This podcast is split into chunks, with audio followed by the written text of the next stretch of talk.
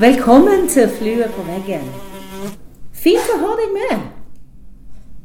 Har du vært og lest gjennom kapittel 13 fra vers 13 til 52? Da er du klar til å være med på podkasten. Jeg har besøk. Jeg har med meg Jan, og det er jeg glad for. Jan, velkommen. Takk for det. Kan du si litt om hvem du er?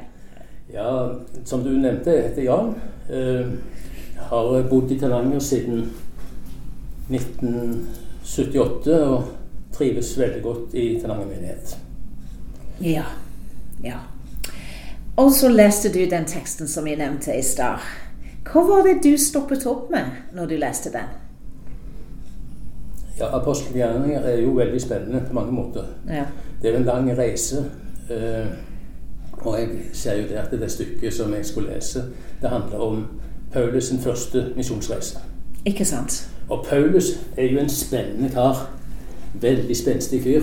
Og har eh, ja, liksom riktig fått det for seg at dette her budskapet som han har fått tak i, det skal han virkelig fortelle til alle. Ja. Og jeg har en følelse av at under denne reisen så går det opp for ham at han, at han faktisk er eh, hedningenes apostel. Ja, Det virker sånn. spennende. Og, og, og, og det som jeg merker meg, jo, det er at han han, eh, han, han har en god fortellerevne og, og, og tar for seg hele, hele jødenes sin, eller israelittene sin, sin lange ferd fra, fra Egypt og til den tiden han skriver ned dette. Ja. Uh, og, eh, og så, eh, så toucher han innom dette med, med, med henrettelsen av Jesus Ja. som han da mener at jødene har overlatt Jesus til til Pilatus for, for henrettelse. Og dette sitter nok litt langt inne hos jødene. Eh, når jeg bruker ordet jødene, så, så, jeg leser ordet jødene, så blir jeg litt betenkt fordi at det, eh, det kan se ut som om jøder er to forskjellige ting. Ikke to forskjellige ting, men det er to grupper. Du har jøder, de som er religiøse jøder, Ja. og så har du de som er jøder i, i, i egenskap av å være født jøder.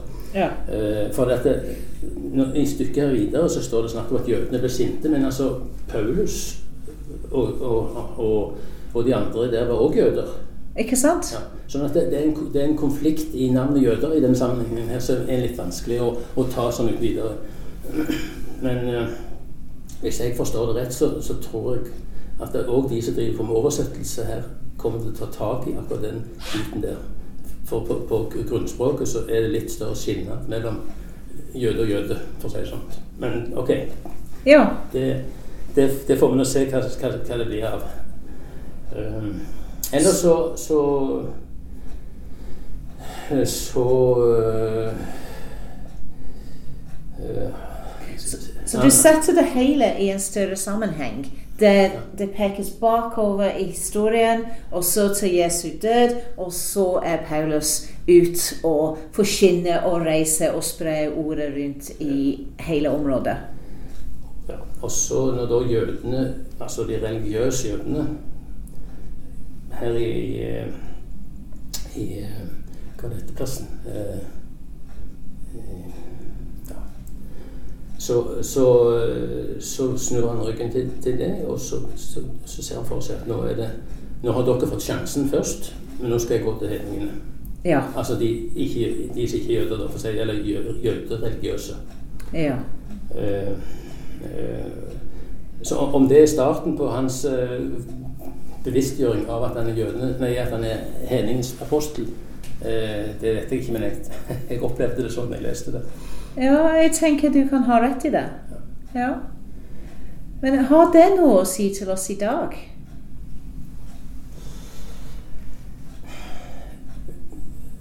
Paulus sin frimodighet, Ja. den tror jeg er litt ja, Der har vi litt å lære. Ganske mye lære, spesielt, spesielt oss som lever her hjemme på, på dette berget med så gode tider. Ja. Og er vi villige til å ta opp kampen til å fortelle videre? eh, det som faktisk betyr noe i livet. Ja. ja. Og det, det, er et kjempespørsmål å sitte igjen med. Er vi villige til, til å ta det opp? Er vi villige til å eh, ta utfordringen, om du vil?